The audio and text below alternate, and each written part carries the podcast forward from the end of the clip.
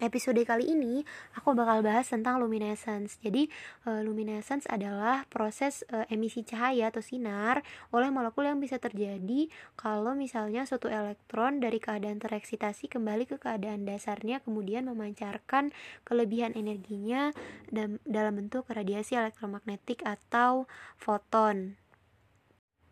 Nah, uh, Kemudian untuk luminescence, jadi kan kalau misalnya dari keadaan tereksitasi ke keadaan dasar, sebelum kita dia muncul ke keadaan tereksitasi, dia ada keadaan dasarnya dulu. Nah, keadaan dasarnya ini yang kita eksitasi itu dengan menggunakan energi e, dari sumber sinar yang kita pancarin. Nah, kemudian untuk kembali ke keadaan dasar lagi dia melepaskan foton dengan energi lebih rendah dibandingkan energi yang diserap. Untuk keperluan analisis, luminescence bisa dibagi menjadi tiga. Jadi spektroskopi luminescence ada tiga yaitu yang pertama chemiluminescence atau pemancaran emisi cahaya karena adanya peristiwa kimia. Yang kedua adalah fluorescence. Yang ketiga adalah phosphorescence. Nah, yang kedua sama ketiga fluorescence dan phosphorescence itu termasuk photoluminescence atau e, pemancaran cahaya atau foton yang uh, selain itu juga ada yang namanya bioluminescence jadi itu kayak pada binatang gitu kayak kunang-kunang, ubur-ubur, cumi-cumi itu bioluminescence. Nah, yang pertama uh, aku bakal bahas tentang chemiluminescence. Nah, chemiluminescence chemiluminescence ini didasarkan atas terjadinya emisi cahaya dari uh, suatu spesies tereksitasi dari suatu reaksi kimia. Nah, misalnya ada suatu reaksi umum gitu A tambah B menjadi C. Nah, kalau di chemiluminescence, C-nya itu bisa e, langsung dalam keadaan tereksitasi. Nah, karena keadaan tereksitasi, dia tidak stabil kan, makanya dia kembali ke keadaan dasar dan melepaskan foton. Jadi, suatu reaksi kimia kemudian menghasilkan spesies tereksitasi dan e, kembali ke keadaan dasarnya. Nah, untuk menghitung intensitas luminescence itu jadi e, intensitas chemiluminescence itu jumlah foton yang diemisikan per detik sama dengan hasil kuantum dari proses eksitasi e, dikali dengan hasil kuantum proses emisi dikali dengan laju reaksi kimia karena hasil kuantum chemiluminescence itu ditentukan oleh kuantum eksitasi dan emisi cahayanya.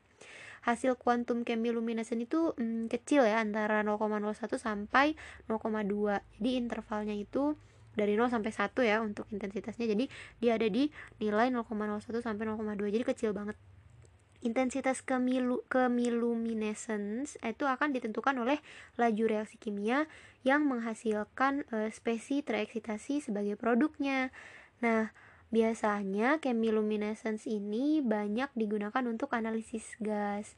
Contohnya nih ada e, untuk analisis gas NO. Jadi ada suatu reaksi e, kimia eh, NO direaksikan dengan ozon. Nah, itu menghasilkan bentuk NO2 bintang dalam keadaan tereksitasi. Jadi NO2 bintang simbolnya.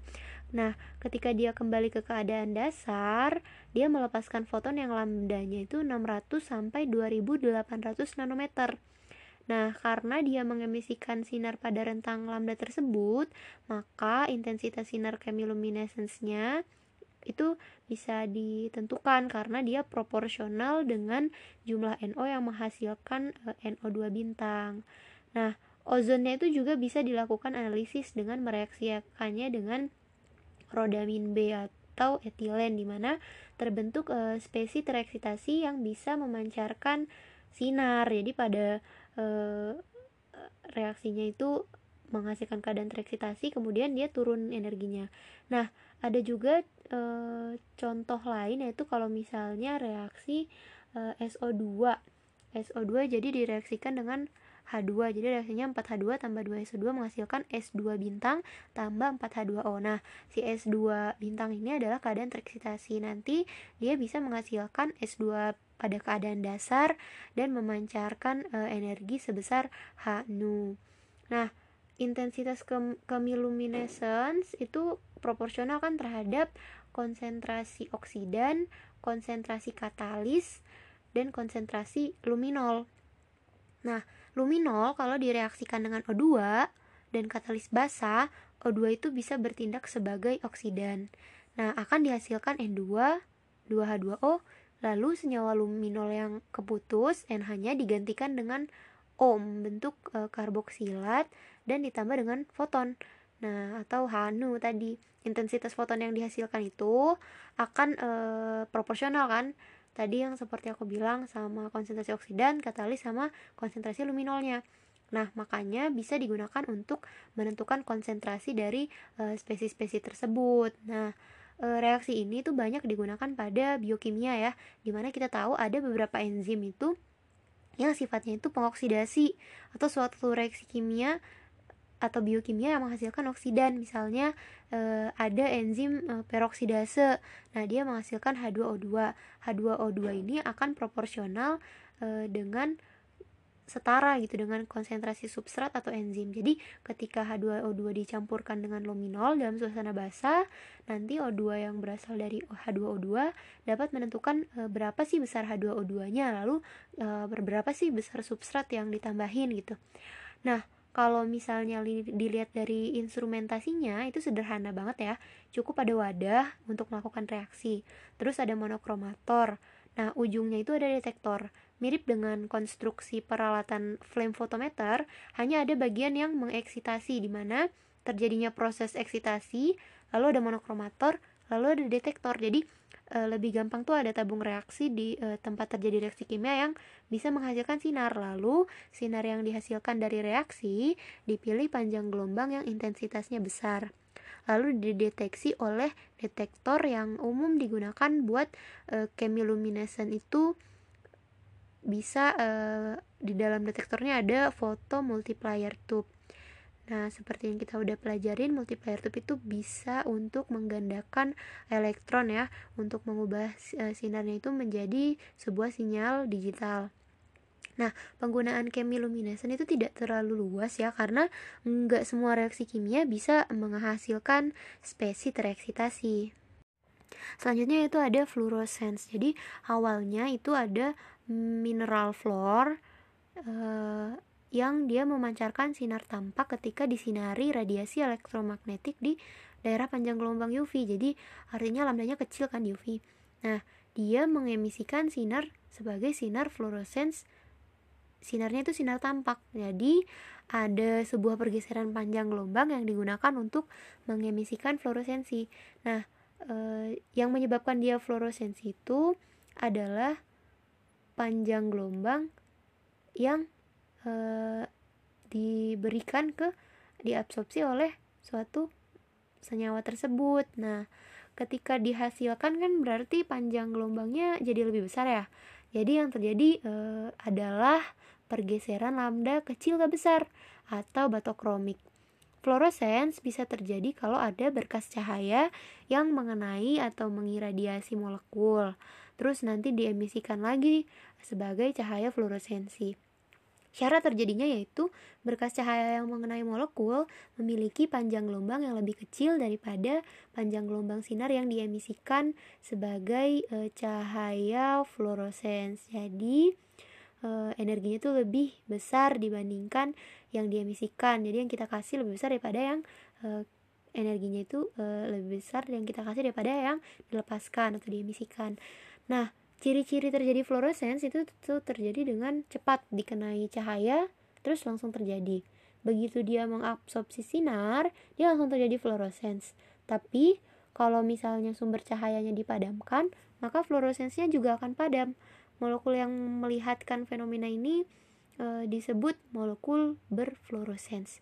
Nah, bedanya dengan fosforescence, kalau fosforescence itu ada cahaya yang mengenai molekul, kemudian diemisikan kembali secara kontinu. Jadi, walaupun sumber cahayanya dipadamkan, fosforescence itu e, tetap nyala gitu, tetap meng mengemisikan cahaya. Nah, bisa dibilang kalau fosforescence itu adalah jenis fluorescence yang tertunda. Molekulnya disebut molekul fosforescence. Kemudian aku bakal jelasin tentang fluorescence dan fosforescence. Nah, kalau fluorescence itu kan uh, dan fosforescence itu kita udah tahu ya dari awal kalau misalnya harus terjadi suatu penyerapan sinar kemudian diemisikan dalam bentuk foton. Nah ini tuh bisa digambarkan dalam diagram Jablonski. Ini bisa dilihat ya. Aku hanya akan menjelaskan uh, beberapa istilah yang ada di dalam analisis diagram Jablonski. Nah ketika kita meli, e, memberikan suatu radiasi elektromagnetik ke molekul, kemudian terjadi penyerapan, molekulnya ini e, dapat kehilangan energi yang diserap melalui berbagai jalan. Jadi dia udah dalam keadaan tereksitasi, dia mau kembali ke keadaan dasar. Energi yang diserap bisa kalau pas lagi kan dia pengen turun ketika dia turun dia lepas lagi itu ada jalan banyak jalan jadi salah satunya adalah relaksasi vibrasi Nah, relaksasi vibrasi ini melibatkan transfer energi ke lingkungan sekitarnya. Jadi berlangsungnya cepat 10 pangkat min 13 detik. Nah, dalam fase gas, molekul yang bertumbukan itu lebih sedikit kan. Jadi lebih sering diamati terjadinya pelepasan energi foton sebesar energi yang diserap kayak gitu. Jadi proses ini disebut fluorescence resonansi. Jadi panjang gelombang yang diserap sama kayak panjang gelombang yang uh, diemisikan. Tapi uh, dia tidak melepaskan foton. Kalau dalam larutan, molekul itu cepat kembali ke tingkat energi vibrasi terendah dari tingkat energi elektronik. Jadi uh, dia kan tereksitasi. Kemudian dari tingkat energi elektronik kan ada tingkat-tingkat vibrasinya. Dia kembali ke tingkat uh, energi vibrasi terendah. Nah, dia ini akan menghasilkan uh, konversi internal yang menyebabkan suatu perpindahan tingkat energi ke tingkat energi vibrasi tereksitasi. Jadi dia masih dalam satu tingkat energi elektronik tapi di paling bawah energi vibrasinya. Nah, kemudian konversi internal. E, konversi internal itu ketika molekul kembali kehilangan energinya melalui relaksasi vibrasi. Nah, karena konversi internal dan relaksasi vibrasi, kebanyakan molekul itu kalau dalam larutan dia kembali ke keadaan dasar tanpa mengemisikan sinar. Untuk relaksasi vibrasi itu dia berlangsung cepat juga. 10 pangkat min 10 sampai 10 pangkat min 11 detik. Kehilangan energi yang berkaitan dengan perpindahan elektron ke tingkat energi vibrasi lebih rendah itu tidak terjadi suatu emisi foton. Nah, ini ada istilah yang tadi ya, konversi internal itu perpindahan elektron dari satu tingkat energi elektronik ke yang lain tanpa emisi foton. Nah, terus ada istilah predisosiasi yaitu ketika elektron berpindah ke tingkat energi yang cukup tinggi hingga e, dapat memutus ikatan. Jadi jauh banget gitu kayak dia eksitasinya tinggi sampai ya putus ikatannya. Kemudian ada konversi eksternal atau dia ini proses yang non radiatif jadi tidak mengemisikan foton di mana energi dari suatu tingkat reeksitasi diberikan ke molekul lain. Contohnya kayak pelarut atau molekul lainnya. Jadi elektronnya itu pindah ke orbital yang di atom lain. Kemudian ada istilah intersystem crossing. Jadi konversinya itu dari singlet ke triplet. Jadi singlet itu keadaan ketika uh, dia itu masih uh, spinnya beda.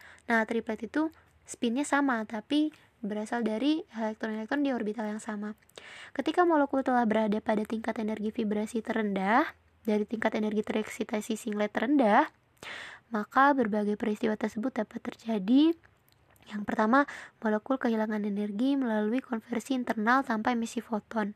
Kemudian, molekul mengemisikan foton dengan energi yang sesuai dengan beda energi antara tingkat energi tereksitasi singlet dan tingkat energi dasar. Nah, itu disebut fluorescence. Jadi, ketika suatu molekul melepaskan foton, energinya itu sama dengan beda energi dari tingkat energi eksitasi singlet ke dasar itu fluorescence. Jadi fluorescence itu beda energinya singlet ke dasar, singlet ke dasar. Kemudian kalau molekul mengalami uh, intersystem crossing ya. Jadi ada spin elektronnya puter dari singlet ke triplet. Nah, ini tuh kan terjadi perpindahan tingkat energi vibrasi terendah keadaan triplet melalui relaksasi vibrasi nanti. E, bisa terjadi emisi foton yang energinya itu beda energi dari tingkat triplet terendah ke energi dasar. Itu disebut fosforescence jadi kalau fluorescence tadi singlet ke dasar kalau fosforescence itu trip, triplet ke dasar. Pada peristiwa fluorescence waktu hidup molekul itu sekitar 10 pangkat min 9 sampai 10 pangkat min 7 detik itu waktu ketika dia singlet tereksitasi kalau fosforescence itu uh, waktu hidup keadaan singletnya itu 10 pangkat minus sampai 10 detik. Jadi uh, karena transisi dari kan kalau triplet tuh spinnya sama ya.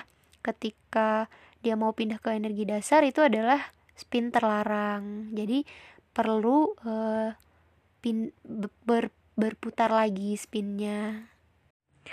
Kemudian bagian spektrum fluorescence dan fosforescence. Jadi ada uh, untuk fluorescence dan fosforescence itu ada tiga spektrum eksitasi. Untuk terjadi fluoro dan fosforescence harus uh, mereka kan uh, molekulnya harus menyerap sinar. Spektrumnya itu bisa ada tiga ya. Yang pertama itu ada spektrum eksitasi.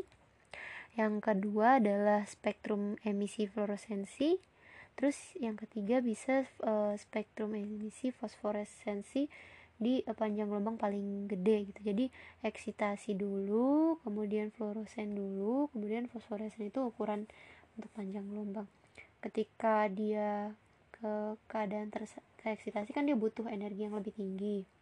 Maka panjang gelombang yang digunakan itu lebih kecil karena uh, ya energinya tinggi tadi. Untuk fluorosen dia energinya itu uh, emisinya ketika sudah menyerap dia mengemisikan fluorosen itu energinya lebih rendah maka panjang gelombangnya akan lebih banyak uh, lebih bes lebih panjang dibandingkan uh, spektrum tereksitasi kemudian untuk fosforescence dia lebih rendah lagi energinya jadinya menyebabkan panjang gelombangnya itu lebih uh, panjang dibandingkan spektrum emisi fluoresensi dan spektrum eksitasi kayak gitu. Nah uh, oke okay, lanjut ke part 2